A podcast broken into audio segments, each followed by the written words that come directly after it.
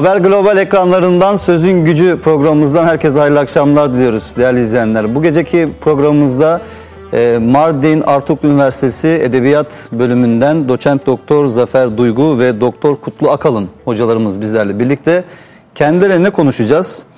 Ee, Hz. İsa'yı ve erken dönem Hristiyanlığı konuşacağız. Aynı zamanda İncil'lerin ortaya çıkış e, ve yazılış süreçlerini tarihsel bağlamını da dikkate alarak inşallah bu gece konuşacağız. Tevrat'ın yaratılış bölümünde Hz. Yusuf'un kendisine ihanet etmelerine rağmen kardeşleriyle bir diyaloğu geçer. Orada şöyle söylenir. Yüreklerine dokunacak güzel sözlerle onlara güven verdi denilir. Yine Süleyman'ın özdeyişleri bölümünde güzel sözün insanı sevindireceğine ve yerinde söylenen sözün güzelliğine vurgu yapılır. Yuhanna İncil'ine baktığımızda önce söz vardı diye başlar. Kur'an-ı Kerim'de ise söze dair pek çok vurgu görürüz. Bunlardan biri de Fatır suresinin 10. ayetinde e, dikkatlerimizi çeker. Şöyle söylenir. Allah'a sadece güzel sözler yükselir ve o sözleri yükseltecek olan şey de imana uygun, hayırlı, güzel, erdemli davranışlardır, eylemlerdir vurgusu yapılır. Yine Kur'an-ı Kerim'de Allah Hazreti Musa'yı hem zulmün, zalimliğin hem de azgınlığın sembolü haline gelmiş Firavun'a dahi gönderirken ona yumuşak ve tatlı bir sözle hitap et, belki öğüt alır, belki ürperir diye buyurmaktadır. Taha suresinin 44. ayetinde. Ve böylelikle Kur'an-ı Kerim'de sözün gücüne ve güzel sözün önemine defalarca vurgu yapmış olur. Değerli hocalarım hoş geldiniz. Hoş bulduk. Hoş Çok teşekkürler. Ee, teşekkür Mardin'den geldiniz. Güzel bir konumuz var. Önemli bir konu bence. Çok da ekranlarda işlenmiş bir konu değil. O yüzden biz özellikle bu gece bu konuyu ele alalım istedik sizinle. İsterseniz şöyle başlayalım. Çok kısa genel hatlarlı bir e, giriş olması açısından. E, tarih konusu. Yani bunun önemi nedir? Dinler tarihinin özelde önemi nedir? İsterseniz bununla başlayabiliriz. Ve bununla beraber e, tarihi iyi bilmenin bir toplumun işte gelişimindeki yeri ve önemi ee, bir toplumun kendi tarihine yabancı olması durumunda ne gibi sorunlarla karşılaşabileceği konusuyla başlayalım isterseniz. Sonra kendi konumuza geçelim. Zafer Hocam sizle başlayalım. Olur. Ee, ben e, kendi hocamın bir sözüyle sorunuzu hemen cevaplamaya başlayayım. Tarih bir milletin hafızasıdır. Milletler e, kendi tarihlerini bilirlerse e, geleceklerini doğru şekilde, düzgün şekilde inşa edebilirler. Tabii tarihi bilmek demek ne demek? E, bu takdirde yani böyle bir açıklama yaparsak karşı karşıya kaldığımız soru bu. E, tarihi bilmek demek tarihi modern bilimsel bir disiplin olarak ele almak demektir. Peki bu ne demektir? E, bu e, belirli koşulları zaruri kılar. Tarihi yani bilimsel bir disiplin olarak tarihi, tarihsel olguları, e, geçmişte e, mevcut bir takım anlatılardan, mitoslardan, efsanelerden e, ayırt etmemiz gerekir. Yani tarihsel olgularla, e, tarihsel e, vakalarla e, tarihsel gerçekliği olmayan fakat varmış gibi gösterilen olguları ayırt etmemiz gerekir. Yani doğru bir tarih okuması yapmamız lazım. Birçok alanda olduğu gibi aslında. Aynen Aynı öyle.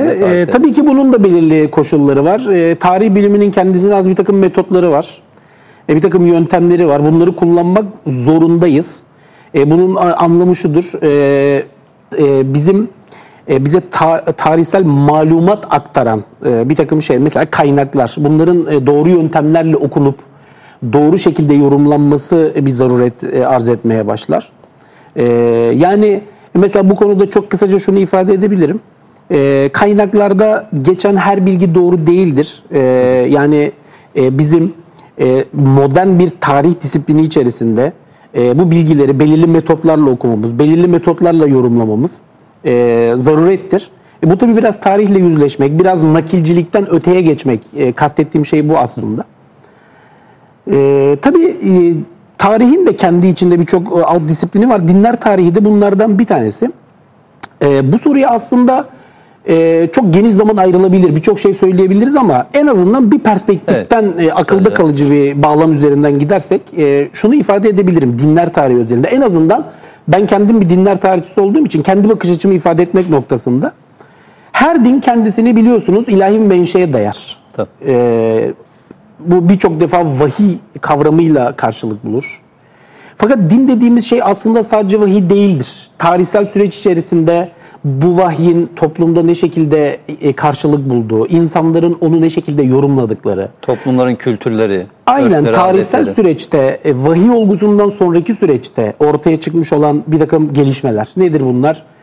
İnsanların kendi e, düşüncelerinde mevcut arka planları e, inançlarına yansıtmaları, örflerini, adetlerini, törelerini, geleneklerini o şeye yansıtmaları. Siyaset gibi bir, bir takım mefhumların din kavramı üzerinde çoğunlukla belirleyici e, fonksiyon üstlenmesi. Ee, tabii ki din olgusunu çok daha e, karmaşık, çok daha kompleks bir yapıya büründürüyor.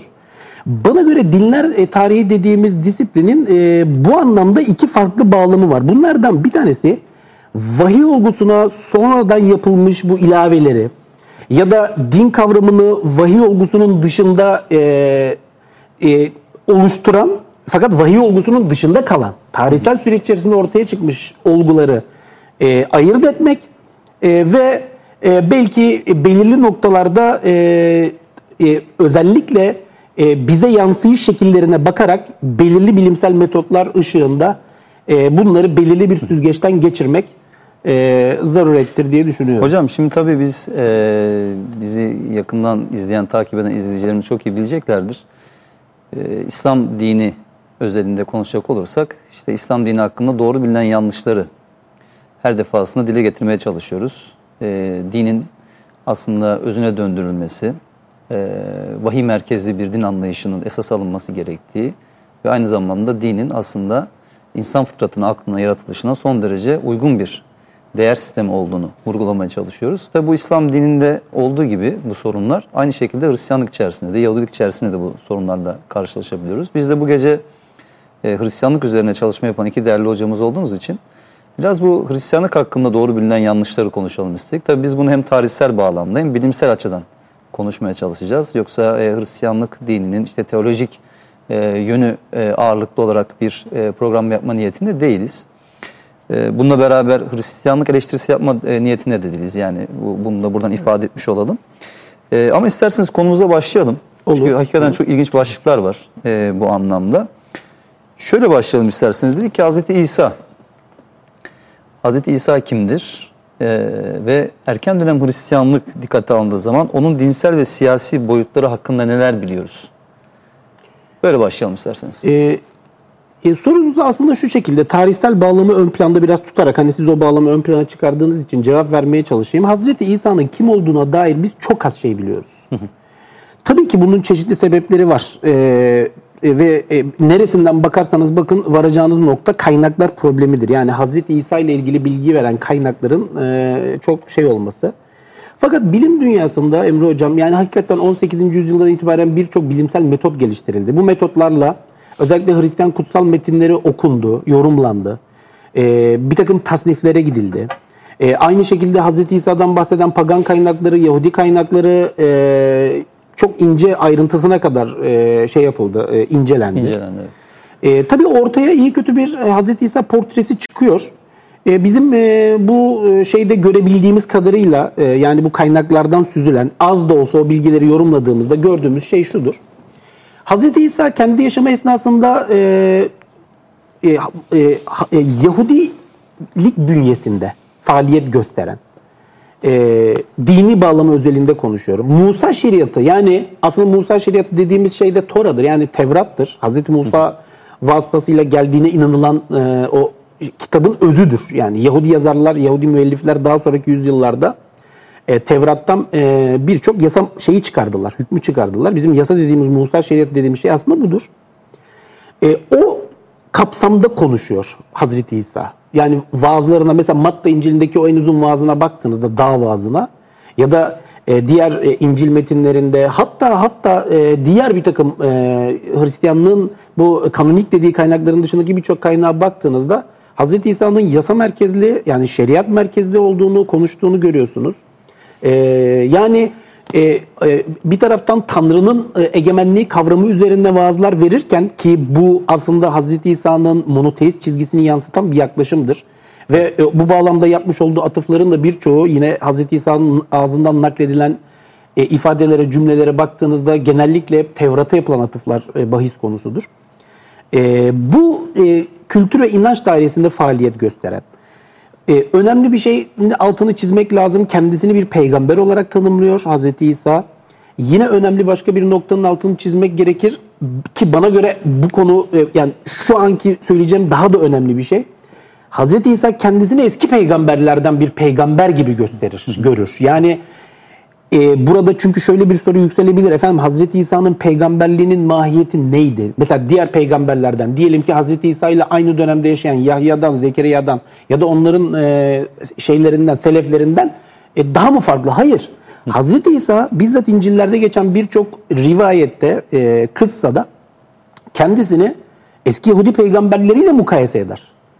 E, bu bağlamda onun kendisi hakkında böyle bir peygamberlik söyleminde bulunduğunu biz görüyoruz. Yani kendisini kendi dönemindeki de kendi döneminden önceki peygamberlerden de üstün evet, tutmaz. Evet, ya kesinlikle da ayrı tutmaz. bir yere konumlandırmaz evet, bu anlamda. Evet, e, kaderini de hatta e, Yahudilerin e, ya da o dönemde işte Yahudiler adına söz söyleyen insanların e, ona karşı mücadelesinden tabii ki e, üzüntü duyar ve e, onları Yahudiler yani kendi döneminde e, mücadele ettiği Yahudi önderleri eleştirir e, tıpkı der atalarınızın yaptığı gibi yapıyorsunuz. Atalarınız da tıpkı benim gibi bir peygamber olan e, daha önceki peygamberleri işte şöyle yapmışlardı, öldürmüşlerdi. Çünkü biliyorsunuz yani Hazreti İsa'nın hemen akabinde, şey özür diliyorum öncesinde e, Hazreti Zekeriya ve Yahya her ikisi de peygamber figürüdür e, ve aynı dönemde yaşamışlardır. Hemen hı hı. Yahya ile çağdaştır, Zekeriya hemen öncesinde. İkisi de öldürülmüştür.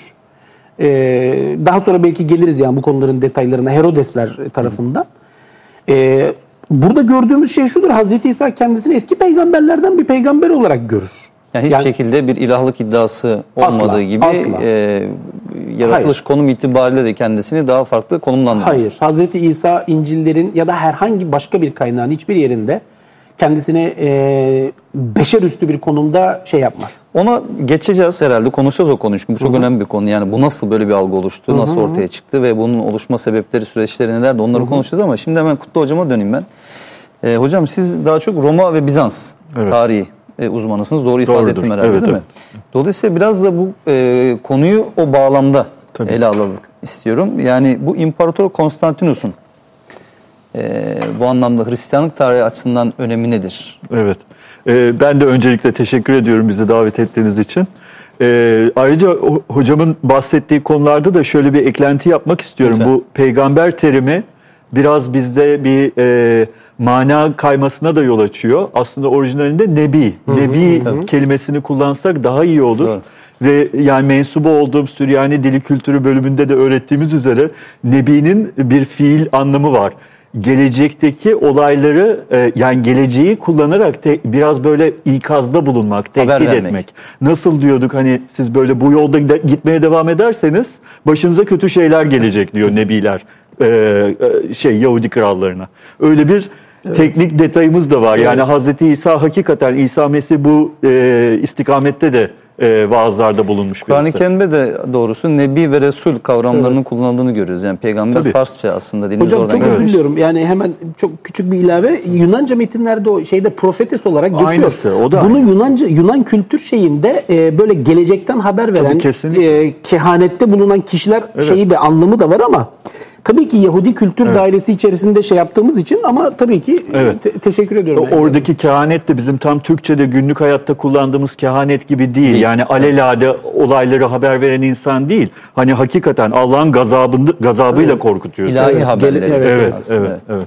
Şimdi Konstantinus tabii çok e, 300 yıl sonrasına bizi götürüyor. Evet. E, Hazreti İsa döneminden, İsa Mesih döneminden sonrasına. Konstantinus e, ilk Hristiyan imparator olarak şöhret yapmış bir e, devlet adamı. Çok uzun süre yönetim yapmış birisi ve, ve bütün uzun dönem e, yönetimde bulunan hükümdarlarda olduğu gibi çok büyük devrimler e, yaşanmasına neden olmuş bilerek ya da bilmeyerek. Ve e, tabii ki en önemli rolü Roma İmparatorluğu'nda o zamana kadar biraz böyle muğlak, tam olarak kim olduğu belli olmayan Hristiyan mezhebinin e, onlar gözünde yani belki külttü onların gözünde çoğu zaman da e, batıl inanç olarak kabul ediliyordu Hristiyanlık. Adını bile bil, söyleyemiyorlardı Hristiyanlık, Mesihilik falan. Bunlar sonradan tam olarak yerleştirilmiş kavramlar. Konstantinus bunu benimsedi bir imparator olarak ama halkına tabii şart koşmadı. Fakat onlara işte artık çok e, müsamahalı davranışlar ve devlet imkanlarından e, had safhada e, faydalanmaları Yani Hristiyanlığın açtı. bir anlamda e, alan kazanmasına, zemin kazanmasına ve meşruiyet kazanmasına mı diyelim? Fazlasıyla tabii ki. Tabii. Ee, ve hocam yanlış biliyor olabilirim. Estağfurullah. yanlışsa siz lütfen düzeltin.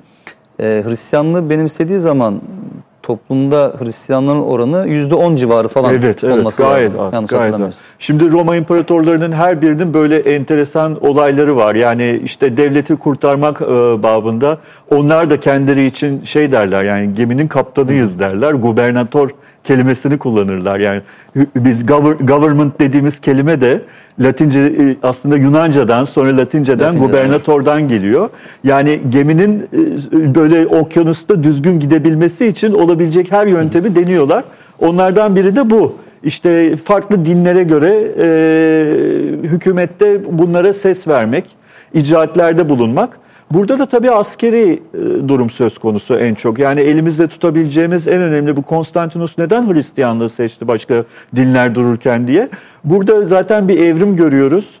E, bir askeri kriz dönemi var. Konstantinus hem iç, içeride rakip komutanlarla savaşması gerekiyor hem devamlı dışarıyla savaşması gerekiyor. En önemli düşmanları da doğudaki Persler. Bunu hep görüyoruz zaten e, Ro- Roma ve Bizans tarih yazıcılığında. Ee, ve burada askerleri arasındaki bir dayanışmayı güçlendirmek amacıyla da öncelikle bir güneş tanrı figürünü benimsemesi ve böyle paralarını görürsünüz hep böyle göğe bakar Konstantinus Ee, o e, sikkelerin üzerindeki e, profilinde. Ondan sonra da işte belki ileride daha detaylı anlatabileceğimiz bu Eusebius'ta falan okuduğumuz şekilde bir e, Hristiyanlığı benimseme, özellikle haç motifini benimseme ve biraz da böyle yani bu bana görünüyor başkalarına görünmüyor galiba ben biraz diğerlerinden önemli bir imparatormuşum.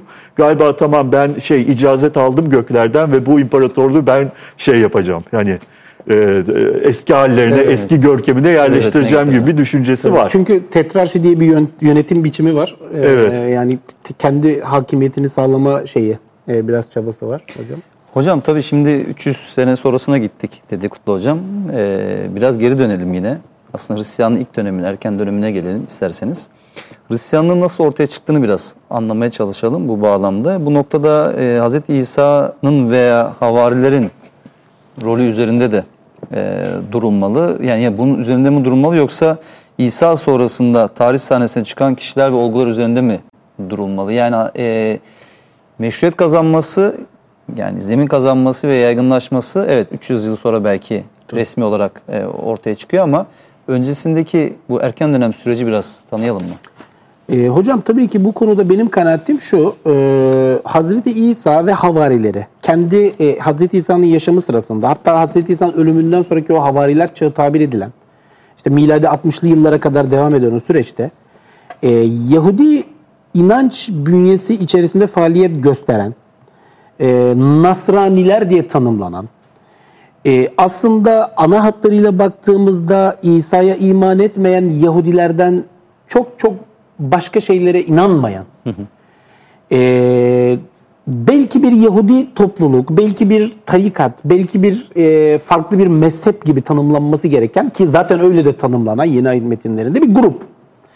Yani biz e, tarihsel perspektiften baktığımızda benim kanaatim odur ki Hazreti İsa'nın ya da Hazreti İsa'nın özgün havarilerinin Hristiyanlık diye bir din kurduklarını söyleyemeyiz.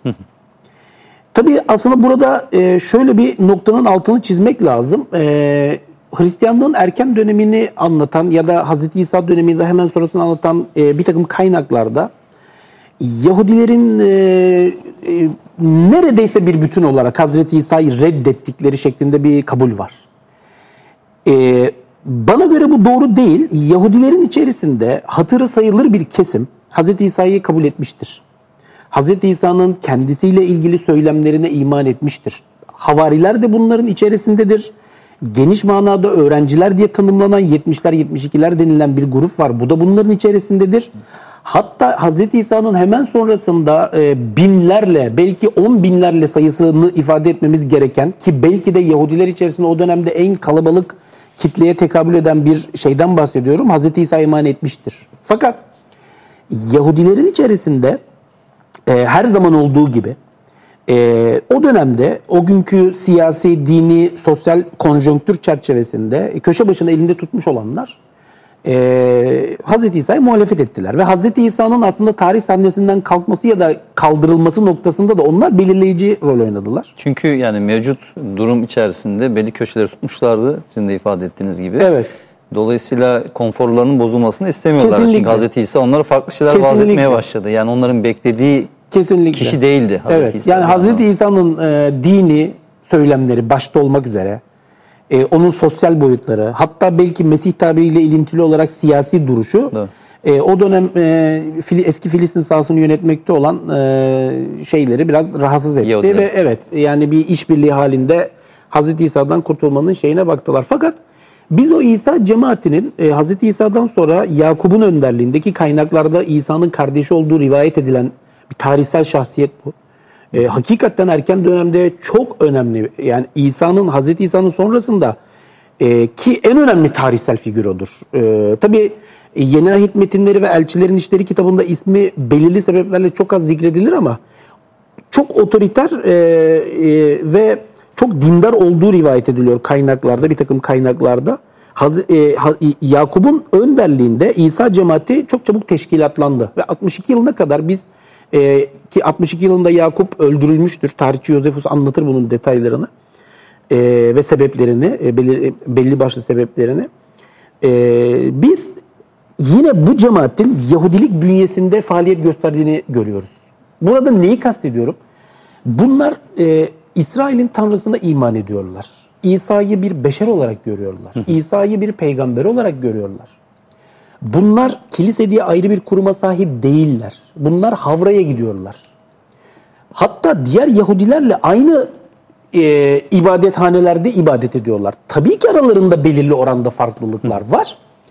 E, temel noktaları da Hazreti İsa ile ilgili düşünceleri. Yani bunlar Hazreti İsa'nın bir Mesih ve bir peygamber e, olduğuna, işte onun e, belki Yahudi inancı bünyesinde reformist e, şeyine e, iman ederlerken e, diğer Yahudiler buna inanmıyorlar. Zaten e, biz İsa'nın e, y- yaşamı sırasında Filistin sahasıyla, İsrail oğullarıyla e, sınırlı bir e, coğrafyayı ve kültür havzasını e, işte, e, muhatap aldığını e, görüyoruz. Bunun e, en önemli kanıtlarından bir tanesi mesela 1. yüzyılda e, Hz. İsa'dan hiçbir pagan yazarın bahsetmemesidir. Tacitus, Suetonius, Marabar Serafyon e, gibi e, Lukianos gibi birçok e, pagan yazar 2. yüzyıldan itibaren Hz. İsa'dan bahsetmeye başlar ama dikkatinizi çekiyorum 2. yüzyıl. Yani Hz. İsa'dan 100 yıl sonrası e, bu şunu gösteriyor. Hazreti İsa ölümünden sonra e, bir e, e, kahramana dönüştürülmüştür.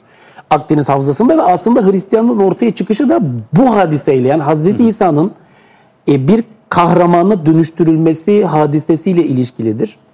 E, Hazreti İsa'nın ölmesinden sonra e, tabi e, bu noktada üzeri e, altı çizilmesi gereken bir takım noktalar var. Hazreti İsa'nın ölmesinden sonraki süreçte ortaya çıkan bir takım ve Hazreti İsa adına konuştuğunu iddia eden bir takım tarihsel figürler ve dönemin siyasi konjonktürü e, burada biraz açmak lazım. Hristiyanlığın ortaya çıkışı ile ilgili olarak.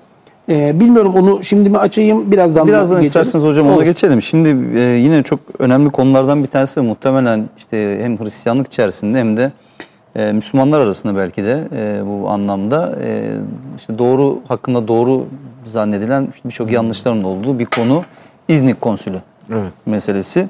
E, bu İznik Konsülü hakkında ne biliyoruz? Öncelikli olarak bunu bir şekilde sorayım ve bu konuda kaynakların verdikleri bilgileri nasıl yorumlamak gerekir? Evet. Ee, Emre Hocam, İznik Konsili ya da işte Nikaya o zamanki adı e, herhalde Hristiyanlık tarihinin en çok belgelendirilmiş olaylarından biri. Biz yani Ermenice'de bile o dönemde olan olayları çok yakın zamanda e, e, kağıda dökülmüş versiyonlarını görebiliyoruz. Tabii şimdi aslında programında da sözün gücü yani burada yazılı anlamıyla sözün gücü hani dönüştürücü etkisiyle İznik'te ne oldu ne olmadı bunlar tabii her mezhebin kendine göre açıkladığı durumlar var. Hocam ta- tarih olarak tam 325. 325'e denk geliyor, değil mi? 325'tir. Ee, yani 316 yıl sonra 1700. yıl dönümünü yaş- yaşayacak Hristiyanlık dünyası ve tabii biz de yani İznik e, Türkiye'de olduğu için bizim de bu konuda çalışmalar yapıyor olmamız lazım. Ee, İznik'te 325 yılında İmparator Konstantinus gene demin zikrettiğimiz imparator yani bu Hristiyanların kendi içlerindeki çatışmaları yani şimdi bir de görüyorsunuz çok garip bir durum. Demin Hristiyanların nasıl Yahudilikten kurtulmasından bahsederken 300 yıl sonra Hristiyanların birbirleriyle çeliştiklerini, mezhep kavgalarına girdiklerini görmeye başlıyoruz. Ve bu gene bizim meşhur imparatorumuz Konstantinus'un e, çok e, büyük e, tehdit olarak gördüğü bir husus. Çünkü gene söylediğimiz gibi hani devletin beka için böyle kavga gürültünün olmaması gerekiyor bir toplulukta ve imparator olarak onun yapması gereken en önemli işlerden biri de bunu böyle bir sulhla sona erdirmek. Ve bunun içinde psikoposları toplamak istiyor bir yerde ve yani belki çok az bilinir bu Türkiye'de aslında Ankara'da toplanacaktı bu konsil. Ankara şehrinde Ankara'da. Sonra işte denize yakınlığı sebebiyle ulaşıma rahatlığı sebebiyle çünkü Batı Roma diyarlarından da psikoposların gelmesi gerekiyor. İznik'te Nikaya'da e, toplanmasına karar verdiler. E, hem şimdi bir mezhep kavgası var. E, İsa Mesih'in tanrısal ve insansal e, boyutlarını tartışmak için. Bir de bir kavga daha var. O da e, biliyorsunuz e, Hristiyanlığın en önemli bayramlarından biri Diriliş Bayramı. Paskalya diye bizim Türkiye'de bildiğimiz Kuyomto Süryancesi. İşte e, şey Nisan ayında Mart 21 Mart'tan itibaren bir 40 günlük devrenin içinde yer alabilir bu. Bunun hesaplanması gerekiyor. Ne zamana düşüyor diye ve bu da bir kavga meselesi o dönemin Hristiyanları açısından.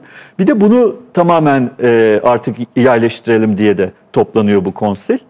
Ee, burada şimdi bakın gene Zafer Hoca'nın anlattığı gibi zamanında Romalıların hiç saydıkları yani belki de Yahudilerin kendi içlerinde bir mezhep bize pek bir şey ifade etmiyor dedikleri bu Hristiyan mezhebi artık gelişmiş. Konstantinus zamanında ne görüyoruz? Piskoposlara devletin bütün imkanları veriliyor. Bu cursus publicus denilen bir sistem vardır Roma'da. Devlet memurlarının devlet işlerini gözetebilmek için mesela at belirli mesafelerde at bekletilmesi ve bir insanın dinlenmiş atlara bine bine efendim 3 günde ne bileyim Pers sınırından Konstantinopolis'e ulaşması falan gibi teknikler psikoposların emrine veriliyor.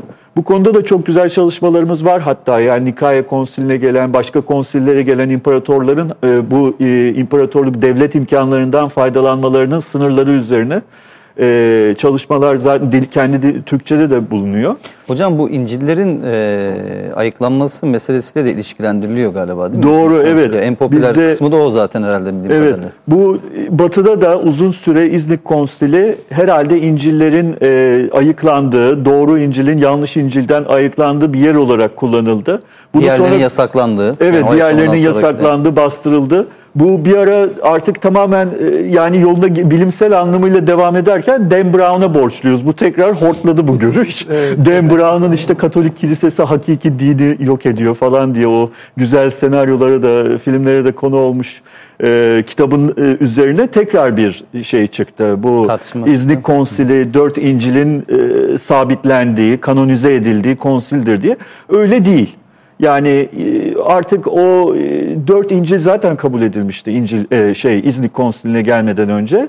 E, bu konuda Batılıların yaptıkları bir hataya da örnek vermek isterim. Mesela zannediyorum Voltaire'e atfedilen bir e, söylenti vardır. Şimdi aydınlanma döneminde e, din adamlarına karşı çıktıkları için bu e, aydınlanma filozofları yani Voltaire biraz dalga geçerek şey der. Yani ha evet masaya koymuşsunuz İncil'leri sallamışsınız yere düşmüşler üstte kalan dördü hakiki İncil sayılmış.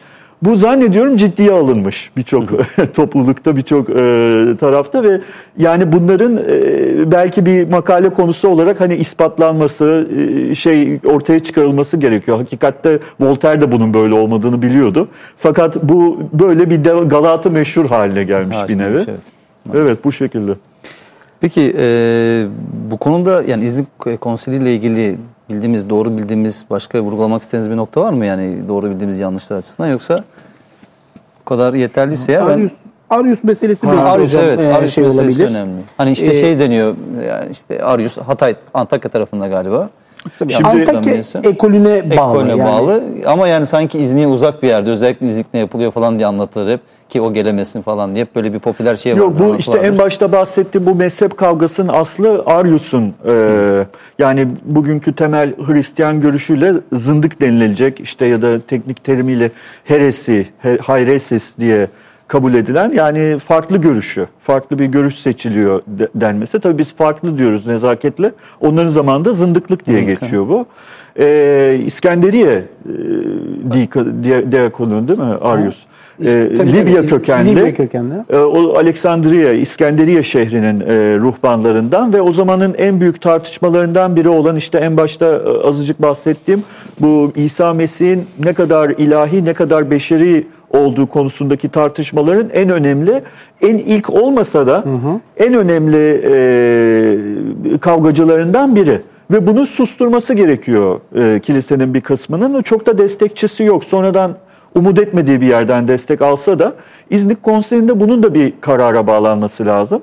Ya Arius'tan başka bu konuda e, laflar etmiş, e, fikirler beyan etmiş başka rahipler ya da e, din adamları vardı. Fakat Arius bu konuda çok nefretini toplamış o zamanki kurulu e, kilisenin ve o yüzden imparatorun özellikle Arius'u ve Arius'un e, hasmı olan e, kurulu kilisenin temsilcisi Atanasius'u burada İznik'te ağırlayıp yani bunu da artık bir karara bağlayalım demesi var. Onun iç yüzünü size bırakıyorum hocam. Hocam, Hocam ister şey misiniz var, çok Kristoloji yani de bu e, teslis inancının yani üçleme inancının da kilisenin resmi inancı ve Hristiyanlığın temel teolojik öğretisi e, bir kabulü, zorunlu kabulü olarak e, İznik konsülünde belirlendiği bilgisi var. Mesela hatırladığım kadarıyla Şöyle bu hocam. doğru mu? Bir, e, bir de Arius'un özellikle e, o bildiğimiz o dönemdeki işte kilise babalarından farklı olarak tek tanrı inancına sahip olduğu meselesi.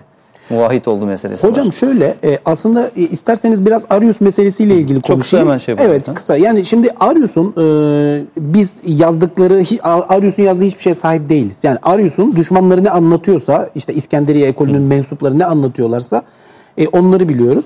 Arius'un aslında düşünce şeyinin arka planında e, henüz 2. yüzyıl ortalarından itibaren İncil'ler üzerine süre giden tartışmalar var. Yani biz e, pagan yazarlara baktığımızda Celsus gibi, Porfirios gibi, İmparator Julianus gibi bir takım pagan yazarların özellikle İncil metinlerini e, şey yaparak eleştirdiklerini, İncil metinlerini e, bahis konusu ederek Hristiyanlığa bir takım eleştiriler yönelttiklerini görüyoruz. Hristiyanlık dünyanın, Hristiyan dünyasının da özellikle entelektüelleri üzerinde buna cevabı olmuştur. Nasıl? Mesela 2. yüzyıl ortalarında Tatianus'un e, biz dört İncil'in harmonizesini yapmaya çalıştığını, tek bir metin halinde derlemeye çalıştığını veya işte Markion'un, Sinoplu Markion'un tek bir İncil seçmeye çalıştığını görüyoruz. Aslında bu davranışlarının, onların bu tasarrufların arka planında yatan şey farklı İncil'lerin arasında çelişki olduğuna dair eleştirileri bertaraf edebilmek. Yani tek bir metin ortaya koyabilmek.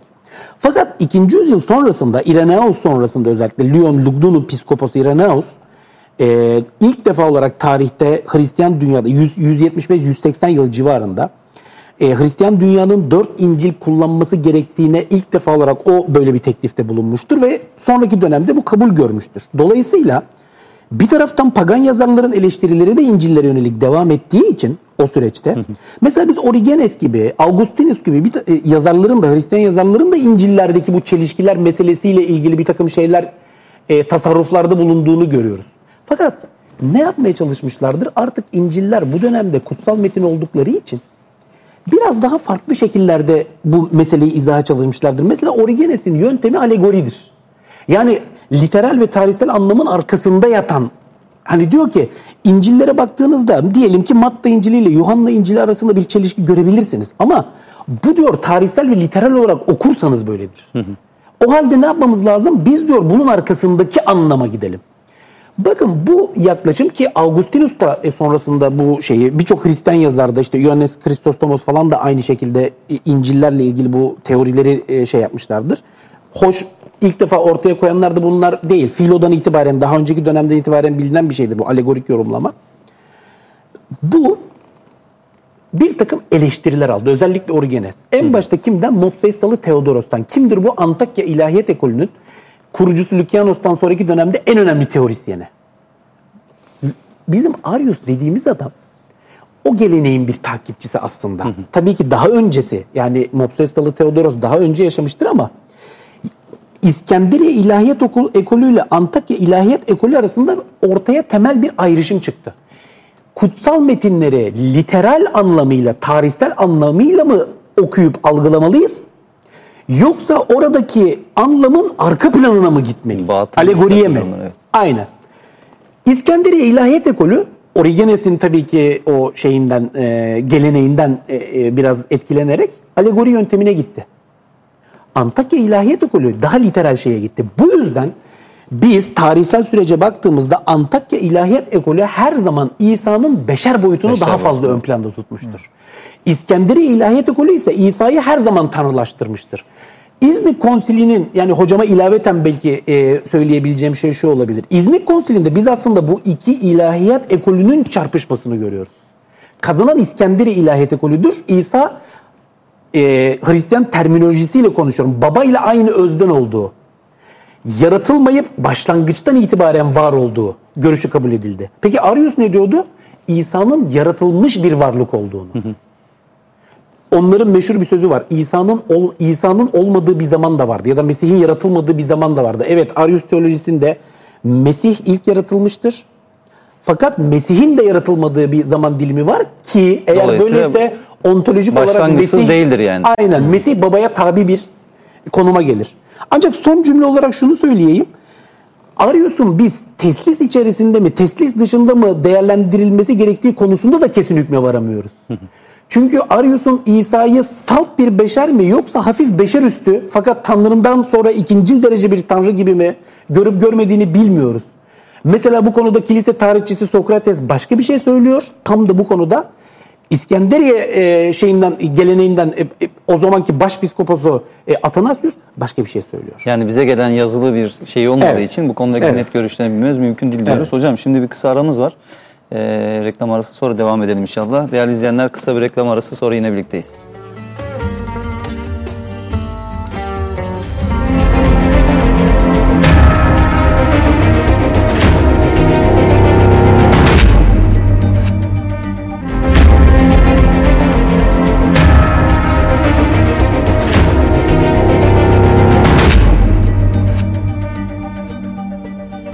Sözün Gücü programımıza kaldığımız yerden devam ediyoruz. Kimlerle? Doçent Doktor Zafer Duygu hocamız ve Doktor Kutlu Akalın hocalarımızla Hz. İsa'yı ve erken dönem Hristiyanlığı konuşuyoruz. Hocam şimdi bu İncil meselesine geçelim isterseniz. Ee, İncil ne demektir? Öncelikli olarak bunu bir sorayım ben size ve İslam ve Hristiyanlık dünyaları İncil kavramından e, ne anlamaktalar? Yani aynı şeyi mi anlıyorlar? İncil'i veya İncil'leri tarihsel ve dinsel metinler olarak e, tanımlamak istersek bununla ilgili neler söyleyebiliriz? Hocam İslam dünyası İncil'den Allah'ın Hazreti İsa'ya vahyettiği e, külliyatı anlıyor. E, tıpkı diğer peygamberleri olduğu gibi e, ama bir defada ama işte Hazreti Muhammed olduğu gibi e, 23 yıllık bir süreç biliyorsunuz ona benzer bir türde peyderpey. Allah'tan Hazreti İsa'ya bir vahiy geldiği İslam inancının şeyi e, öyle bir İncil diye tabi biliyorsunuz Kur'an-ı Evet. Kerim'de de e, bahis yapılan bir e, şey var, e, olgu var. E, fakat biz tarihsel anlamda baktığımızda Müslümanların anladıkları bu İncil'in yazılı bir metin olarak karşılığını görmüyoruz. Yani belki Hazreti İsa'nın e, sözleri olarak kaldı. E, yani vahiy olgusu sözlere yansıdı ve o şekilde kaldı. Yani yazıya geçirilmedi veya geçirildiyse bile çok erken dönemde ortadan kayboldu. Peki Hristiyan dünya İncil tabirinden ne anlıyor? Çok başka şeyler. Hazreti İsa'nın ölmesinden sonra Hristiyanlık dünyasında asli günah doktrini diye bir inanç ortaya çıktı. Ee, yani Adem'in cennetten kovulmasına sebep olan günahın bütün insanlık ailesine sirayet ettiği, tarih boyunca bu Hazreti İsa'nın gelişine kadar olan süreçte e, Tanrı ile insanlar arasında bir küskünlüğe yol açtığı, fakat e, ilahi bir varlık olan, Tanrı'nın oğlu olan, e, Mesih olan, göksel anlamıyla Mesih olan e, İsa'nın yani başka bir alemden ete kemiğe e, enkarne şeyinde e, bularak ete kemiğe bürünerek dünyaya gelmesi, insanların arasında birçok mucize gerçekleştirerek yaşaması ve çarmıh üzerinde kendi kanını ve bedenini feda ederek ölmesi suretiyle insanlığın bu asli günahtan aklandığına dair bir asli günah doktrini var. Benim e, kanaatime göre bu doktrin Hazreti İsa'nın ya da havarilerin savundukları bir şey değil. Sonradan ortaya çıkmış bir doktrindir. Fakat Hristiyan dünyanın bugünkü İncil algısını belirleyen olgu da aslında budur. İncil demek Hristiyan dünyada insanlığın Mesih'in ölümüyle birlikte günahtan aklandığına dair iyi haberi haberdir, iyi haberdir. Buna dair anlatılardır ya da yazılı Müjdedir metinlerdir. yani bu anlamda bir müjdedir. Dolayısıyla bizim bugün Matta, Markos, Luka, Yuhanna dediğimiz ve Yeni Ahit'in e, ilk dört e, şeyin metnini teşkil eden e, dört İncil aslında İsa'nın çarmıha gerilişinin ve dirilip göğe yükselişinin haberidir. Fakat kimisi mesela Markos buna kısa bir giriş yapmıştır. Kimisi mesela Luka daha uzun bir giriş yapmıştır. Dolayısıyla İncil'ler İsa'nın hayatını anlatan metinler değildir. İsa'nın biyografisi olarak görülemezler. İncil'lerin yazarları belirli teolojik güdülerle İsa meselesini ele almışlardır. Geçmişte yaşamış e, bir tarihsel şahsiyet olan İsa'yı kendi teolojik e, perspektiflerine uyarlayarak nakletmişlerdir. İncil'lerin Hristiyan dünyadaki karşılığı İsa'nın e, Mesih'in ölümünün insanlığa kurtuluş getirdiğine dair e, iyi bir haberdir. Ee, bir şey etimolojik olarak bir not vermek gerekirse İncil Arapça Yunanca Evangelion'dan geliyor. Yani Evangelion'un içinde angelos var. Eski Yunanca'da e, haberci oluyor. Evangelion o yüzden iyi haber işte dediğiniz gibi müjde. Neyin müjdesi? Babayla yarattığı insanlık artık barıştı. Aradaki o küskünlük ortadan Evet, o kalkmış küskünlük gibi bir ortadan kalkıyor. Anlayış bu. Evet. Daha çok yaygın olarak. Peki hocam şimdi bu e, antik çağda ve geç antik çağda Hristiyanlık sadece Roma topraklarında yayılmış bir din miydi? Biraz bunu isterseniz konuşalım. Değilse başka hangi coğrafyalarda Hristiyanlığa rastlanıyordu? Bu olgunun o zamanlar devletler arası politik ilişkilerine gibi yansımaları ve etkileri olmuştur diye sorsak. Tabii bu çok yani işte e, herhangi bir dini mezhebin bu Hristiyanlık olsun başka bir e, din olsun e, birazdan bahsedeceğim buna çok benzer bir örneğini göreceğiz. E, Roma devletinde çıkmış bir e, hareket tabii Hristiyanlık. Filistin, Palestina e, diyarında çıkıyor ortaya. Ve kısa sürede Roma eyaletlerinde yayılıyor fakat doğuya doğru giderek İran coğrafyasına da giriyor. Ee, 200 yıl sonra bundan biz e, Mani dinini görüyoruz mesela. Bu da öyle. Bu sefer İran topraklarında çıkmış ve Roma'ya da girmiş bir din. Fakat kısa sürede Roma'da bastırılmış bir din. Hatta e, biraz önce Zafer Hoca'nın zikrettiği Aziz Augustinus diye bu bizim e, e, Cezayir'in kuzeyindeki e, yörelerden gelme bir e, meşhur bir kilise doktoru, kilise müderrisi, hocası. E, gençliğinde Ma- Mani dini mensubu olarak büyümüş. Ondan sonra Hristiyanlığa dönmüş bir e, e, kilise babasıydı. Şimdi Hristiyanlık Roma'da yayılıyor ve Hristiyanlık zaten bu müjdeyi dağıtması, dağıtma niyetiyle çok misyoner bir din. Mesela Yahudilerde böyle bir şey yok eski çağ dinlerinde. Eski çağ dinlerinin hemen hemen hiçbirinde böyle bir başka diyarlara gidelim de dinimizi yayalım, oradaki insanlara müjdeyi duyuralım. Böyle bir çaba yok. Ama Hristiyanlık zaten bu müjdeyi dağıtmak üzere e, e, e, vücut bulmuş bir mezhep. Herhalde Bunu- İncil'lerin bir tanesinin sonunda geçiyor diye biliyorum. Tabii Hazreti ki. İsa değil mi? Bunlar gidin Tabii ki. insanlığa Hemen zaten burada Hepsinde bir- geçiyor. Hepsinde Dördünde geçiyor. geçiyor. Yani Zafer Hoca'nın e, anlattığı bu İncil'lerin oluşması sürecine çok dikkat etmek lazım. Yani İncil'ler söylüyorlar İsa Mesih'in ağzından gidin ve müjdeyi dağıtın diye. Ama bu tabii ki 100 yıl sonra kale, e, kağıda dökülmüş bir şey, bir konu. Doğru. Ve o vesileyle şimdi İran coğrafyasına yayıldığını görüyoruz. Artı Avrupa'da kuzeye yayıldığını görüyoruz. Demin bahsettiğimiz Ariusçu e, mezhep, Arius e, defedildikten sonra zaten kendisi bir kaza geçirip öldüğü düşünülüyor. E, onun ardından e, tarih öyle bir şekilde, kader öyle bir tecelli etmiş ki Konstantinus e, Arius'u e, kiliseden uzaklaştırmasına rağmen Konstantinus'un ardılları Ariusçu bir mezhebi benimsiyorlar.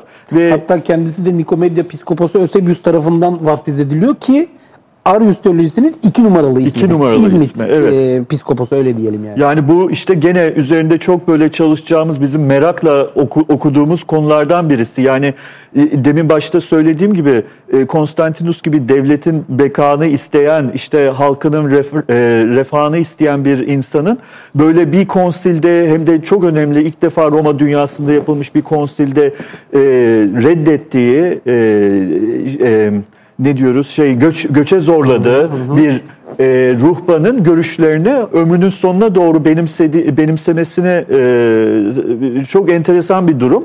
Onun ardından gelen imparatorlar da buna devam ediyorlar ta ki 396 1. Theodosius'a kadar. Evet şey 379. 379 Valens'in ölümüyle beraber ortadan kalkan bir durum. Bu durum burada biz bir de şunu görüyoruz. O sırada Ariusçu İmparatorluk misyonerlik çabalarını Almanlara doğru gönderiyor Kuzey Avrupa'ya ve oranın e, yani Hristiyanlaşmış Cermen kabileleri bir yüzyıl içinde Roma'ya girdikleri zaman bir farklı bir kilise olarak geliyorlar. Onlar da Hristiyanlar, onların da İncil'leri var. Arius tarafın Arius'un taraftarı e, Wulfila tarafından Almanca'ya o dönemin e, gotik dillerine çevrilmiş bir İncil'e inanarak Roma devletine geliyorlar ve mesela İtalya'da iki cemaat oluyor. Bir işgalcilerin Hristiyan kiliseleri, bir de yerli halkın işte Katolik diyeceğimiz kiliseleri. Kuzey e, Kuzey Afrika'da öyle. Vandallar Kuzey Afrika'ya gidiyorlar.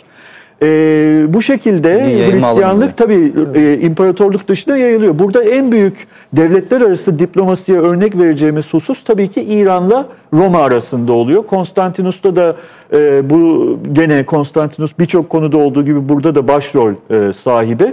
E, Şapur'a karşı İran e, Şahı Şapur'a karşı gönder Şapur'a gönderdiği bir mektubunda der. Ben Roma İmparatorluğu içindeki Hristiyanları muhafaza ediyorum. Sen de kendi Hristiyanlarını muhafaza et. Etmezsen bu savaşa nedendir diye.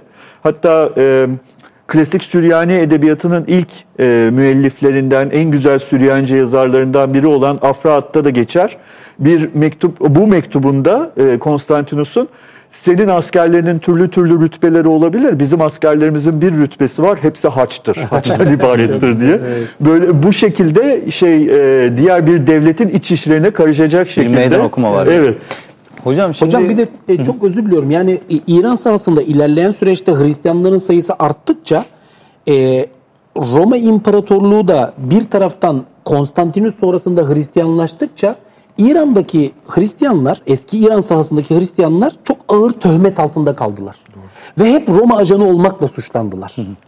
E, Afrahat'ta da bunun şeyini görmek belki bir ölçüde mümkün. Daha sonraki dönemin Hristiyan kaynaklarına bakıldığında da mümkün. Hristiyanlar bu yüzden e, Sasani iktidarının başlangıcında 224 ve öncesinde Part Hanedanı döneminde İran sahasında rahat bir hayata sahiptiler. Fakat Roma'nın gittikçe Hristiyanlaşması eski İran sahasındaki Hristiyanları gittikçe güç koşullar altında bıraktı. tehdit olarak belki görülmesi Evet, sebep oldu evet, bir anlamda. evet. Hocam şimdi bu Matta, Markos, Luka ve Yuhanna e, ismini taşıyan bugünkü İncil'lerin yazarları kimler? Bunu bir e, anlayalım ve bu yazarların İsa ile ve ayrıca Paulusçu gelenekle ilgili bunlar hakkında neler söyleyebiliriz? E, İlgili hocam Hristiyan geleneğinde Matta ve Yuhanna İsa'nın 12 havarisi arasında isimleri geçiyor. Matta ve Yuhanna'nın Matta ve Yuhanna. Evet, havarilerden Markos, olarak. İki, evet İsa'nın 12 havarisinden ikisi Matta ve Yuhanna. Markos İsa'nın baş havarisi Petrus'un e, öğrencisi olduğu rivayet ediliyor. Luka'da İsa'nın sonrasında işte Hristiyan e, İsa'nın öğrencisi ya da İsa iman ettiği iddiasıyla tarih sahnesine çıkan Pavlus'un e, hekimi, yoldaşı, öğrencisi di- diyebiliriz. Yani ikisi havari olarak kabul ediliyor. Evet. Diğer ikisi havari değil. Hristiyan geleneğinin düşüncesi Düşüncesi sizin söylediğiniz gibi. Fakat e, bu konu üzerine çalışan ciddi bilim adamlarının çok büyük bir kısmı bu İncil'lerin İsa'nın havarileri ya da öğrencileri ya da birinci nesil İsa cemaati tarafından yazılmadığını birçok delilden e, hareketle ortaya koyuyorlar. Yani Tahmin burada edilen tarihleri nedir hocam bunların? yukarı? şimdi e, tahmin edilen tarihler tabii ki bu konuda da çok farklı görüşler var. Mesela 19. yüzyılda Ferdinand Christian Bauer bunu 130'lu 140'lara şey yaptı. Belki biraz marjinal olarak görülebilecek bir şey ama e, günümüzde araştırmacıların birçoğu İncil'lerin yazılışını 68-70 yıllarıyla 90-100 yılları arasına tarihlendiriyorlar.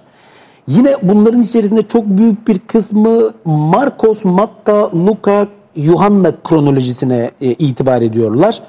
Yine araştırmacıların kahir ekserisi Matta, Markos ve Luka arasında edebi, literal ilişkiler olduğunu e, söylüyorlar. Yuhanna'yı ayrı bir bağlamda değerlendiriyorlar. Yani bir başka deyişle Matta, Markos ve Luka'nın yazarlarının metinlerini birbirlerinin metinlerine dayanarak e, oluşturduklarını söylüyorlar ki sinoptik problem diye bir disiplin vardır. Aslında bu konu birazcık bunu şey yapıyor. Peki İncil'lerin yazarları neler? E, kimlerdir bilmiyoruz. İncil'lerin yazarları meçhuldür. İncil'ler anonim metinlerdir. İkinci yüzyıldan itibaren bu dört İncil ve onların dışında belki onlarca belki yüzlerce başka metin ki bunlar İncil hocamın ifadesiyle yani biraz önce söylediği gibi Evangelion dediğimiz bu şeyler o tarihte İncil olarak da tanımlanmıyordu henüz. Biz mesela 2. yüzyılın ortalarına, 2. yüzyılın ikinci yarısına baktığımızda ortada havarilerin hatıratı ki şehit Justinus'un bir tanımlamasıdır. 150'li yıllarda yaşamış bir Hristiyan apolojist. Havarilerin hatıratı adı altında ortalıkta dolaşmaya başlayan bir takım metinler görüyoruz. Bu metinlerden dört tanesini kilise, geleneksel kilise kanonik kabul etmiştir. Yani bugünkü dört İncil'den bahsediyorum. Diğer İncil'leri gelenek dışında bırakmıştır. Ee, bu İncil'leri Matta, Markos, Luka ve Yuhanna isimleriyle özdeşleştirmiştir belirli zaruretler çerçevesinde. Ee, ve bu İncil'ler 2. yüzyılın ikinci yarısından itibaren yani İsa'dan bir buçuk yüzyıl sonra diğer bütün metinler arasında sivrilmeye başlamışlardır. 3. yüzyılda yine süreç içerisinde kutsal metin olarak değer görmeye başlamışlardır. En nihayetinde e, 4. yüzyılda toplanan bir takım konsillerle ki İznik konsili ya da Nikaya konsili bunlardan bir tanesi değil buna dikkat etmek lazım. O dönemde Laodikya konsili vardır 363'te hemen sonrasında Kartaca konsili vardır. Bu gibi kilise meclislerinde de biz e, bir takım kanonlarda kilisede okunacak olan resmi şeylere dair bir takım kanonlar görüyoruz. Orada e, isimlerinin geçtiğini görüyoruz. Ancak Peki neden diğer e, İncil'ler- İncil'ler değil de ya da diğer metinler, iddialar değil de yani bunları diğerlerine ayıran veya işte en azından kilise tarafından var, e, meşru kilise tabii sebep ki olan kendi şey neydi? teolojik görüşüne uyan İncil'leri kabul etti. Biraz önce ne dedik? Asli günah doktrini. Yani bugünkü Hristiyanlığın temeli budur. Dolayısıyla bizim burada dikkatimizi çeken şey şu. Esas alınacak olan İncil'ler İsa'nın çarmıha gerildiğine dair o inanışın insanlığı asli günahtan kurtardığı inancını propaganda etmeli. Şimdi mesela e, siz 3. yüzyılda yaşamış bir Hristiyan olarak kendinizi düşünün. Mesela bugün Nakamadi literatüründe 1945 yılında yapılan kazılarda Thomas İncil'i diye bir İncil bulundu. İsa'nın sözlerinden müteşekkil. İyi ama bu kilisenin temel doktrinini yansıtan bir metin değil. Bakın İsa'nın sözleri var. Birçok araştırmacıya göre İncil'lerden, kanonik İncil'lerden daha önce yazılmış olabilir Thomas İncil'i. Erken daha da erken dönem. Evet. Petrus İncil'i, Mecdelli Meryem İncil'i, Yakup İncil'i, şu İncil'i, bu İncil'i. Onlarca İncil var. Neden dört tanesi? Çünkü kilisenin teolojik görüşünü yansıtanlar bunlar. Ötekiler gelenek dışında bırakılmıştır. E, tabii o dönem kilisenin tırnak içinde ortodoksluk arayışı yani hangi inancın gerçekten de İsa'dan miras kaldığına dair kristolojik tartışmaların, Mariolojik tartışmaların zamanla e, revaç bulduğu bir dönemdir. E, ortada birçok metin vardı Emre Hocam. E, mesela ben elimdeki bir metni esas alıyordum. Siz elinizdeki başka bir metni esas alıyordunuz. Kutlu Hocam elindeki başka bir metni esas alıyordu. Ve biz farklı farklı metinlerde farklı farklı İsa'lar görüyoruz. İsa bir beşer mi? İsa bir tanrı mı? İsa tanrının oğlu mu? İsa'nın mahiyeti nedir? Nasıl tanımlamamız Yarı gerekiyor? beşer, yarı tanrı. mı? Evet yarı tanrı yarı beşer mi? Metafizik bir kavram mı? Doketikler var mesela bunlar başka şeyler söylüyor. Gnostikler var başka şeyler söylüyorlar. Her şey başka. Ve bunların hepsi iyi kötü kendi görüşlerini belirli metinlere dayandırıyorlar. Fakat Hristiyanlık yayıldıkça ve hele üstüne bir de yavaş yavaş imparatorluk siyasi yönetimden de destek almaya başladıkça bir ortodoksluk arayışı başladı. Hocam şimdi şunu altını isterseniz çizelim bir kez daha. Hani izleyicilerimiz açısından da eminim ki bunu net bir şekilde anlıyorlardır ama vurgulamış olalım. Şu anda siz Hristiyan literatürü üzerinden konuşuyorsunuz. Kesinlikle. Tabii ki. Yani bunu da ifade edelim. Hani bu e, zaten ilahiyatçı değilsiniz ama hani Türkiye'de yaşayan evet, evet tabii. yani şu anlamda hani bir klasik bir e, ilahiyatçı gözüyle bakmıyorsunuz. Siz Hristiyanlığı bilen, inceleyen ve Evet. Hristiyanlık literatürü üzerinden konuşuyorsunuz. Yani Evet. bu tartışmalar Hristiyanlık içerisindeki tartışmalar. Kesinlikle, Hani bir. Müslüman bakış açısıyla değerlendirme değil. Hani bunu vurgulayalım. Ben tekrar dinler bir- tarihçisiyim. Evet. Yani ben tarihsel hakikat neyse o yani erken Hristiyanlık literatürüne hakim olduğumu söyleyebilirim. Birçok metnini okudum. Ee, yani oradan hareketle sizinle paylaşıyorum bu şeyleri. Yani biz Hristiyan literatür içerisindeki tartışmaları konuşuyoruz şu anda. Onu tekrar Aynen ifade öyle Emre olalım. Hocam. Evet. Aynen öyle. Mesela Evangelion ifadesini siz İreneos öncesinde hiçbir Hristiyan metninde e, yazılı bir metin olarak göremezsiniz. Bakın söylediğim şey çok açık. 170-180 yılından önce yani İsa'dan bir buçuk yüzyıl sonradan bahsediyorum. Onun daha öncesinde Evangelion sözcüğünü yazılı bir metne metin olarak göremezsiniz. Çünkü yazılı bir metin henüz o dönemde kutsal değildi. Hatta belki yazılı bir metin olarak bile Hristiyan dünyada genel olarak kabul görmüş değildi. Hocam peki şöyle bir soru sorsam yani e, sonradan ortaya çıkan ama belki de şu me, e, dört meşhur İncil'den önce de yazılmış olduğu düşünen Thomas İncil'den bahsettiniz mesela. İşte da bir Barnaba İncil'i meselesi vardır. O epey popülerdi mesela bir dönem. E, bu dört İncil dışındaki İncil'lerde hem Kur'an-ı Kerim'in Hristiyanlıkla ilgili yani Hazreti İsa ve e, Hazreti İsa'ya gelen vahiy ile ilgili anlattıklarına veya Kur'an-ı Kerim'de işte gerek İsrailoğulları ile ilgili olabilir, gerek Hazreti İsa'ya tabi olan havarilerle ilgili olabilir.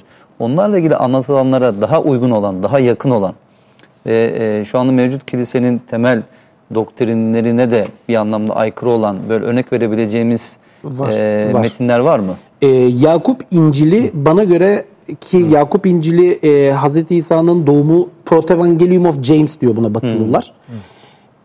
E, Çocukluk İncili. Aynen çocukluk, Çocukluk İncil'idir. İncili. Tabii çocuk yani o şekilde geçer. E, Hazreti İsa'nın doğumu öncesini ve doğumu şeyini hikayeden e, anlatıdır. Mesela Maide suresinde, Meryem suresinde verilen şeylere çok yakın ayrıntılar vardır. E, Bunların şu anda yaygın mı kopyası? Yani bunlar Şimdi Orta Çağ'da özellikle Hristiyan teolojisini falan çok etkileyen şeydir bu. Çünkü orada da e, mesela özellikle bu Bakire'den doğum öyküsü çok detaylı olarak anlatılır. Ee, Birçok farklı dilde e, tercümesini biz biliyoruz. Bu metnin geç antik çağda, sonrasında.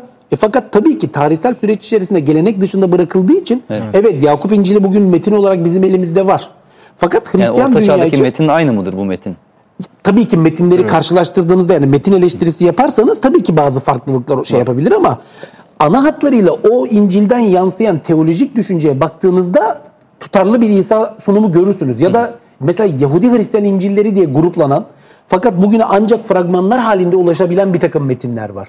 Ebiyonitler İncil'i, Nasraniler İncil'i, İbranilere göre İncil.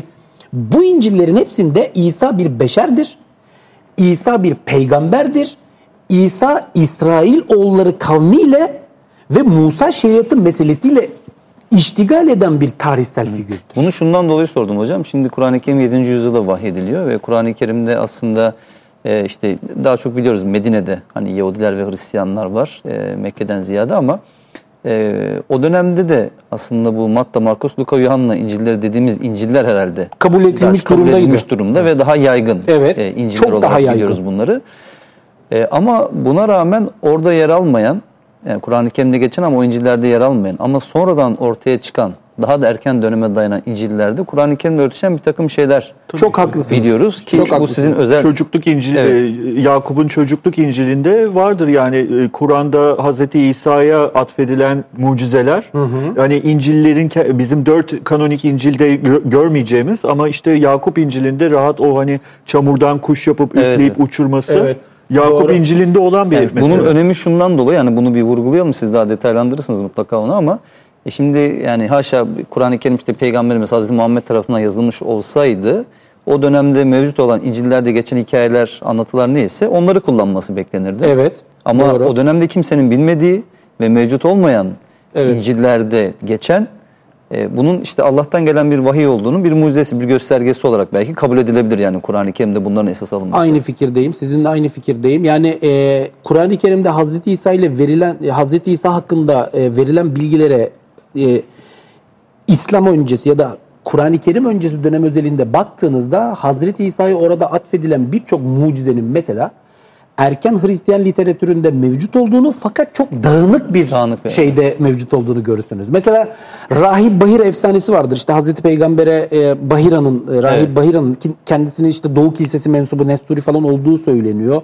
Başka bir takım görüşler var. Özellikle batılı oryantalistler mesela bu şey üzerinde çok durmuşlardır ama benim ya bir tarihçi olarak kanaatim şudur. Rahip Bahira dahi e, bizim 21. yüzyıl e, olanaklarıyla ulaştığımız o erken Hristiyan literatürünün o şeyini Rahip Bahire dahi e, bilmez yani. Bilmesi mümkün değildir bana göre. Evet. Bu çok önemli bir konu. Yani bunun e, sizin bu konuda yazılarınız var. Bunu tavsiye edelim izleyenlerimize daha detaylı bir şekilde incelemeleri için. Hocam şimdi bu Roma İmparatorluğu'nda Hristiyan yükselişinden bahsettik. E, bilhassa imparatorluk yönetiminin yani Konstantinus'la beraber Hristiyanlığa başlaması karşısında geleneksel eski e, paganlar ne gibi reaksiyonlar göstermiştir? Biz mesela antik e, Yunan felsefesini milattan sonra 2. yüzyıla kadar devam ettiriyoruz. Yani felsefe tarihi genelde bu şekilde kabul ediliyor. E, dolayısıyla ilk 100-150 yılda, 200 yıl içerisinde e, hala entelektüel kesimi aslında okuryazar kesimi pagan filozoflar, düşünürler Tabii ki. e, bu anlamda temsil ediyorlar. Ama işte Hristiyanların onlarla iletişime geçişte onlara karşı nasıl bir dil kullanacakları ile ilgili tereddütleri var. Yani ya İncil'in e, sözleriyle onlara işte vaazda bulunacaklar ya da felsefe öğrenecekler ve işte felsefenin diliyle onlara e, Hristiyanlığı tebliğ etmeye çalışacaklar. Nasıl tepkiler olmuştu pagan e, kesimi? Şimdi e, paganlık da aslında çok yüklü bir kavram ve e, da, varlığını daha çok Hristiyanlığa borçlu bir e, kavram. Hristiyanlıktan önce paganlar kendilerine pagan demiyorlardı. Yani Hristiyanlık ortaya çıkıp da kendisine inanmayanları bir şeyle etiketlemeye başladığında o insanlar yani evet biz farklı tanrılara inanıyoruz, siz başka bir şeye inanıyorsunuz ve bizi yasaklamaya çalışıyorsunuz. Eski çağ toplumlarında böyle bir din yasaklamak falan olmuyor. Ancak bir kült, bir böyle gizli kulüp gibi böyle bir araya gelip de ayin yaptığı belli olan insanlar ya bunlar herhalde imparatora bir tertipte bulunacaklar. Bunlara engel olalım diyerek bir yasaklama var. Yani örgütsel bir şey varsa eğer Evet, engel siyasi oluyor. şüpheli inanç, falan. Siyasi şüpheyle yani inanç ikti- özgürlüğü sağlanıyor yani. İnanç özgürlüğü had safhada Roma İmparatorluğu'nda. Hristiyanlık tabii buna karşı çıkan bir şey. Yani tek tanrılığı e, e, iddia ettiği için, e, onu duyurduğu için zamanla e, e, kaçınılmaz olarak okumuşlar arasında yani Hri- Hristiyan okumuşlarla, entelektüelleriyle, pagan entelektüeller arasında tabii bir sürtüşme oluyor. Burada biz yani böyle ana başlıklarıyla iki şahıstan bahsedeceğim. Birisi Julianus, Konstantinus'un yeğeniydi galiba değil mi? Uzaktan yeğeni. Ee, imparator olduğu zaman bu şahıs e, İznik, İzmit'te, Nikomedya'daki sarayda büyütülmüş işte şeyler Hristiyan rahipler tarafından normal Hristiyan bir vatandaş, sülaleden bir şehzade diyelim. Ee, iktidar e, iktidardaki ailenin bir e, ferdi olarak büyümüştür. Fakat imparator olur olmaz e, hayır ben artık Hristiyan değilim. Putperest olacağım. Yani put- öyle demiyor tabii. Ben eski atalarımın dinine döneceğim diyerek e, tekrar yeni icraatlere başlıyor ve onun çok böyle meşhur e, hitapları vardır. E, mektupları, söylevleri oralarda e, eleştirir. Bir yandan da e, artık herhalde o da farkındaydı. E, Hristiyanlığın e, dönülmeyecek çizgiyi artık geri dönülmeyecek bir hale geldiğini ve mesela işte demin söylediğim gibi putperestlik bizim putperestlik dediğimiz din iklimi çok böyle çeşitlilik e, taşıyan bir e, durumken e, Hristiyanlığın öne çıkmasından ilham alarak Julianus e, birçok pagan rahibe der ki aynı Hristiyanlar gibi örgütlen. Onlar ne yapıyorlarsa işte efendim mesela yetimlere yardım ediyorlar, işte dul kadınlara yardım ediyorlar, fakirlere yardım ediyorlar. Siz de böyle yapın diye mesela Ankara Piskoposu'na yazdığı mektup var. Yani o da aslında bir nevi görüyor Hristiyanlığın ne kadar e, başarılı olduğunu. Bu sırada dediğiniz gibi biz e, felsefi okulların devam ettiğini biliyoruz. Julianos da zaten bunların etkisinde kalarak biraz da paganlığa geri dönüş yapmış bir imparator. Felsefi okullar en son Justinianus zamanında ortadan kaldırılıyorlar. Atina'daki son felsefe okulu Justinianus zamanında ortadan kaldırılıyor. Justinianus da işte Konstantinus'tan sonraki en büyük devlet adamlarından biri Roma'nın ve e, Ayasofya'yı insanlığa armağan etmiş bir imparator.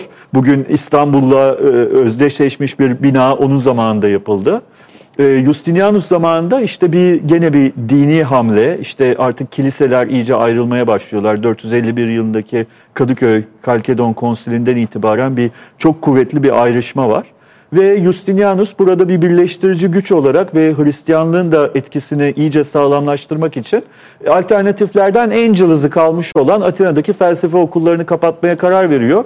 Ve gene e, tarih sahnesinde Romalıların işte gölgesi gibi olan imparatorluk Sasaniler e, kucak açıyorlar ayrılan e, filozoflara. Fakat e, bu çok az bahsedilen bir konudur. Onlar orada aradıklarını bulamıyorlar, aradıkları iltifata ve tekrar geri dönüyorlar Roma İmparatorluğu sınırlarına. Evet ilginç bir şey var burada etkileşim var yani kendi arasında. Zaten e, aslında Hristiyan felsefesinin ortaya çıkması da herhalde bu dönemde tohumları atılmaya başlanıyor. Yani yavaş yavaş biraz o felsefenin önemi de Biraz ikinci yüzyıl başlıyor. diyebiliriz. Evet, Yani ikinci- ikinci özellikle ve Hazreti. İsa'nın e, Tanrı ile ilişkisini e, nasıl açıklayacağız? Yani bir taraftan İsa'nın e, beşer üstü konumuna halel getirmeden ama diğer taraftan da tevhid ilkesine yani Tanrı'nın birliği ilkesine, prensibine halel getirmeden Evet, evet, bu ikisi arasındaki ilişkiyi nasıl açıklayacağız arayışının sonucunda biraz Yunan felsefesine işte logos doktrininin falan geçmesi biraz ikinci. Hocam peki bu soruyla ilişkili olarak yani bu işte perest pagan diyebileceğimiz e, filozoflarla, entelektüellerle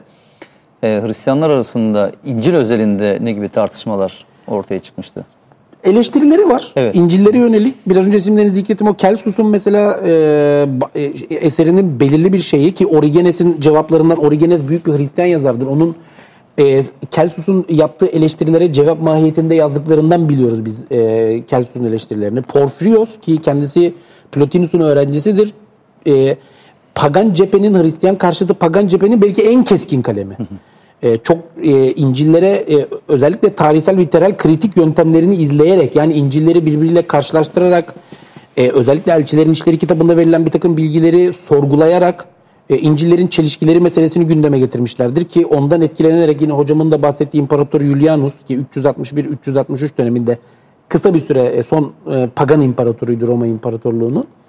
E, bunlar tabii e, özellikle e, hangi açılardan eleştirdiler İncil'leri? Bir, İncil'lerin ya da genel itibariyle Hristiyan kutsal yazılarının Yahudi kutsal yazılarıyla uyumsuz olduğu.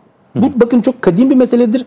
Mesela 2. yüzyıl ortalarında Markion, Sinoplu Markion, Sinopeli Markion e, bu konuyu çok ciddi olarak ele almış bir Hristiyan düşünürdür. Sonradan sapkın ilan edilmiştir ama o sırf bu yüzden Matta, e, e, e, Matta, Markos ve Yuhanna İncil'lerini ve hatta bütün diğer e, İncil bizim diyebileceğimiz ki o dönemde daha bu şekilde bir tanımlama yok. Reddetmiştir. Sadece Luka veya Luka ile yakın bir metin olduğu tahmin edilen bir metin şey yaptı. Yani pagan yazarların aslında Hristiyan yazarlarında Markion'dan ya da Tatianus'tan ya da sonraki yüzyıllarda kalem e, bir takım metinler yazmış Hristiyan yazarların da farkında oldukları bir şey bu. İncil metinleri arasındaki çelişki İncil'lerin Yahudi kutsal yazılarıyla arasında uyumsuzluklar olduğu, çok enteresan bir el- eleştiri bağlamı İncil'lerin tahrif edildiği. Bakın pagan yazarlar e, İncil'lerin tahrif edildiği e, görüşünü şey yapmışlardır ki biz zaten e, bugünkü İncil metinlerinin e, üzerinde e, interpolasyon dediğimiz bilimsel terminolojisiyle yani ekleme ya da metinlerden çıkartma türü bir takım değişiklikler yapıldığını, Kitab-ı Mukaddes eleştirisi başlığı altında geliştirilmiş bir takım bilimsel yöntemler var. Mesela redaksiyon eleştirisi, redaksiyon kritiği, metin kritiği özellikle. Veya form kritiği. Biz bunları zaten bilimsel olarak tespit edebiliyoruz net olarak. Pagan yazarların henüz o tarihte buna mesela ilgi- dikkat çekmeleri çok ilginçtir. Ee, neden böyle yapmıştır Hristiyanlar pagan yazarlara göre? Bu metinler arasındaki uyuşmazlıkları hem Yahudi kutsal yazılarıyla hem İncil'lerin kendi içindeki uyuşmazlıkları İncil metinlerinde bir takım değişiklikler yaparak e, bertaraf etme amacıdır pagan yazarlara göre. Tabii ki Hristiyan e, yazarlar buna reaksiyon verdiler. Bakın e, çok ilginç mesela birkaç anekdot paylaşayım sizinle. 4. yüzyıla mesela Son 5 dakikamız bu arada. Tamam. E, Hieronymus mesela çok meşhur e, bir Hristiyan yazardır. E, Hieronymus'a gelen bir mektup var. Hedibiye'de bir hanımdan, Hristiyan bir hanımdan. Mesela Hedibiye orada Hieronymus'a 12 tane soru sormuştur. Kendi Hieronymus'un yazdığı kendi metinleri, metinlerden biliyoruz biz bunu. Ve Hedibiye'nin Hristiyan bir mümin bir hanım bu. Samimi bir Hristiyan. Orada İncil'ler arasındaki çelişkilere dikkat çektiğini ve bunun sebebini Hieronymus'tan sorduğunu biliyoruz. Ya da mesela Alagoi diye bilinen erken dönemde yine bir Hristiyan grubun ki bunların dinamik monarşenistlerle bağlantıları üzerinde duruluyor.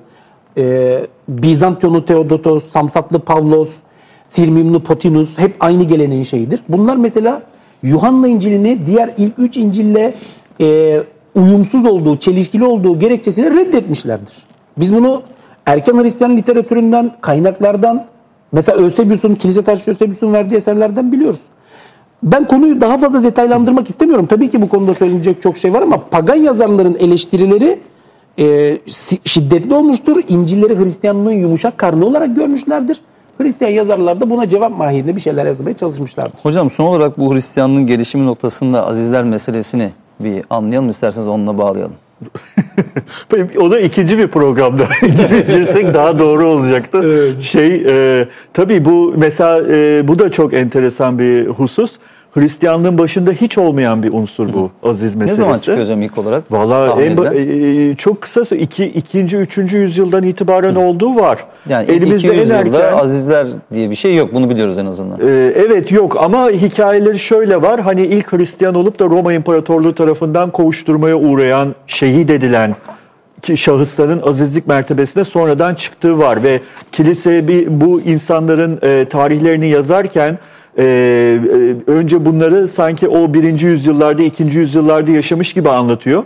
Fakat sonra hikayenin içindeki birbiriyle uy- uyuşmayan unsurları göz önüne alarak bunu daha sonra redakte ediyorlar. 1960'lara kadar falan inanılıp mesela Nikomedyalı Azize Barbara hikayesi vardır. Ee, böyle bir şahsın yaşamamış olması gerektiğini kilisenin kendisi mesela 1960'larda karar verip bu şeyi bastırıyor. Azizler köprü oluşturuyorlar Hristiyan cemaatinde.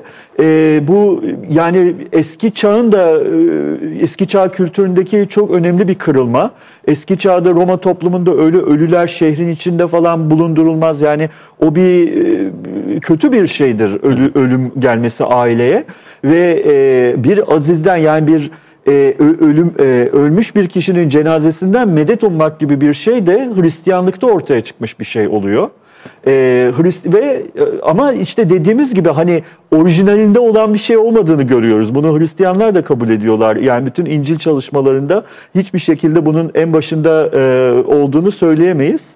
İşte ikinci, üçüncü yüzyılda Hatta ve daha türbe çok... kültürü de daha çok Hristiyanlıktan gelme bildiğim kadarıyla. Yani özellikle bu Anadolu'da Anadolu İslamlaşma sürecinde e, Hristiyanken Anadolu e, bu türbelerin olduğunu, azizlerin türbelerinin olduğunu tabii, tabii, ve insanların kesinlikle. bu türbelerde onlardan medet umduğunu. Kesinlikle, evet. evet. Ee, en ilk hatır, ilk hatırlanan aziz olarak e, Tur piskoposunun e, bahsettiği Martin var. Martinus e, Tur şehrinde, Galya'da, Fransa'daki şehirde ilk defa e, ya e, büyük ihtimal büyük bir hata yapıyorum.